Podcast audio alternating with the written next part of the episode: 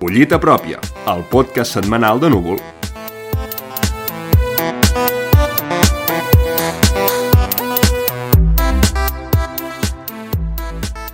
A tothom i benvinguts una setmana més de Collita Pròpia, el podcast setmanal de Núvol on resumirem, amb només a 10 minuts, aquelles entrevistes, articles i reportatges destacats del digital de cultura.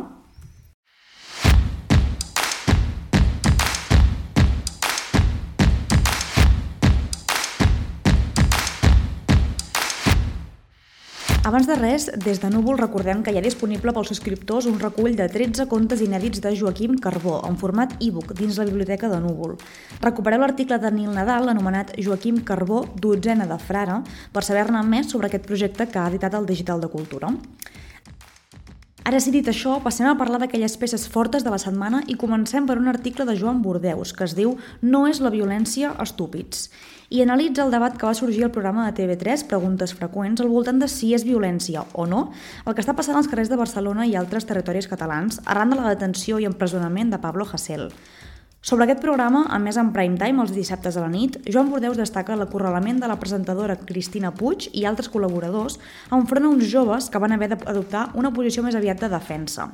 Davant d'això, Bordeus fa la següent reflexió, llegeixo literalment. La violència és negativitat pura, que es pot expressar en formes físiques o psicològiques. El poder, en canvi, és positiu. Aconsegueix que el subaltern faci el que vol el sobirà sense necessitat de violència. La culminació absoluta de la violència és la mort d'una de les parts. La banda sonora és el crit i el silenci. Ell destaca la necessitat d'un contrapoder de la mateixa manera que s'està generant una contraviolència per combatre un sistema que oprimeix i agradeix.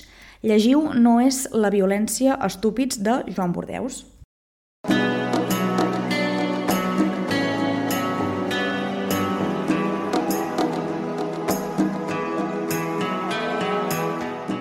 Altre tema que encara està encès tant als mitjans de comunicació com a l'opinió pública és el dels abusos de tres professors de l'Institut del Teatre.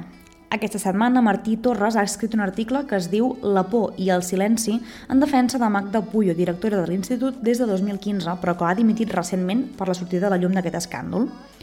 Martí Torres critica la imatge que s'ha projectat d'aquesta dona assegurant que no té res a veure amb qui és ella realment. Torres defensa que Puyo no és cap culpable, sinó una víctima més d'aquest cas. Escoltem-lo.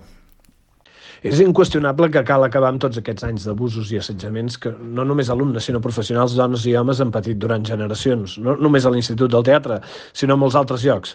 I sembla que havent-se descobert aquests casos ja no calgui buscar-ne més en d'altres col·lectius però l'abús de poder i els assetjaments sexuals estan a tot arreu. Només volia trencar una llança per la Magda Pullo, reivindicar-la com la gran mestra que és i lamentar que la seva imatge hagi quedat tan malmesa sense que ningú, ni mitjans de comunicació ni xarxes socials, contrastessin la seva limitada actuació amb la brillant tasca que ha fet durant els anys que ha dirigit l'Institut. Potser ens haurien de preguntar si, si els mecanismes i les lleis que servirien per reparar certes coses obstrueixen més que no arreglen. Costa molt veure dimissions en bloc tan dignes com les que va haver la setmana passada. Ara passarem pàgina, però caldrà veure què passa amb aquest descosit. En qualsevol cas, posa de manifest com de cru i depredadors el sistema que fa que s'acabi mal parlant d'ella i no pas de la gent que ho mereixia. A tots ens fa massa por qüestionar-nos certes coses i això ens hauria de fer pensar que les contradiccions no ens haurien de fer por. Justament es pot construir des d'aquestes contradiccions. Per això penso que no haurien de pagar justos per pecadors perquè pel camí podem perdre la gent que realment val la pena. Acaba l'article amb cinc frases curtes i contundents que se separen en cinc paràgrafs diferents. Les llegeixo. Sempre paguen justos per pecadors, però no oblidem qui són els butxins. Per a ells, tota la por i el silenci. Salut, llibertat i sororitat. No esteu soles. Si voleu conèixer els arguments sencers de Martí Torres, consulteu el seu article La por i el silenci.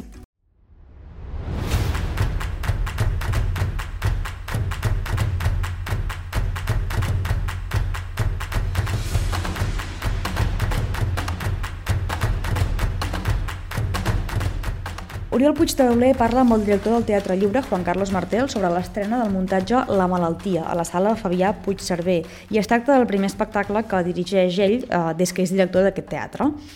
Aprofitant la vinentesa, la conversa acaba derivant a un balanç dels dos anys i escaig que porten al càrrec, tot parlant de la joventut, la malaltia i el present que vivim actualment. I per tant hi surten temes del tot recurrents, els abusos a l'Institut del Teatre, el virus, les crisis, el futur i les oportunitats. En general, és una entrevista en què el lector es pot situar en una posició d'observador d'una conversa aliena que es podria produir perfectament entre dues persones amigues. I és que, de fet, ells dos la fan en un bar tot dinant. Una part molt important també és la que parla sobre els actors d'aquesta obra, que el mateix Juan Carlos Martel diu que podrien ser els seus fills. Remarca la importància de treballar amb persones joves i aprendre de les seves opinions i punts de vista de la vida que canvien en funció de la generació en què s'ha nascut i s'ha crescut.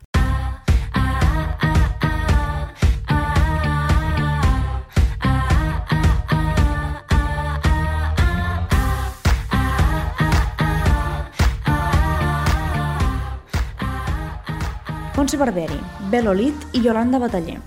Tres dones que presenten tres llibres. Són tres assajos que han publicat a l'editorial Destino. Cadascuna d'elles, en el seu respectiu assaig, expressa l'empoderament femení des de diverses perspectives. Ona Falcó i Bernat Puig Tovella recullen la conversa entre elles tres, enregistrada i plasmada al podcast de Faves Tendres d'aquesta setmana. Escoltem-ne una part on la Belolit parla sobre subvertir les normes establertes quan qualsevol persona trenca les normes, hi ha un preu, i el preu acostuma a ser alt, i és igual la norma que trenquis, pagaràs un preu segur. Llavors crec que les persones que trenquem les normes és perquè no podem no trencar-les, perquè jo si pogués no trencar-les, no les trencaria. No? És a dir, si jo pogués viure eh, i ser feliç i estar còmode seguint totes les normes que em marca la societat, ho faria, perquè és molt més fàcil i et tens molts menys problemes.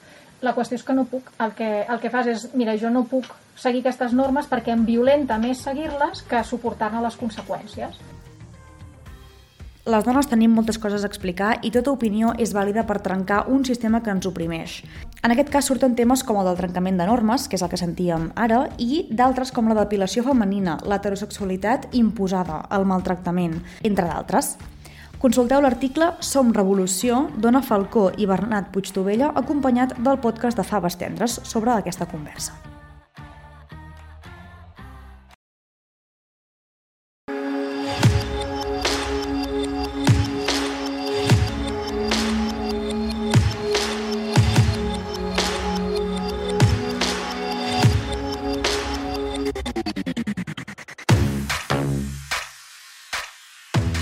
Acabem el collit de pròpia d'avui amb un article del tot curiós.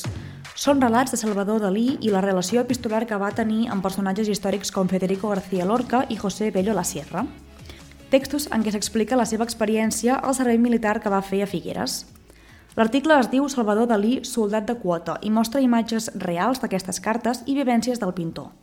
Anna Pujols és qui ho relata i explica de què parlen alguns d'aquests textos.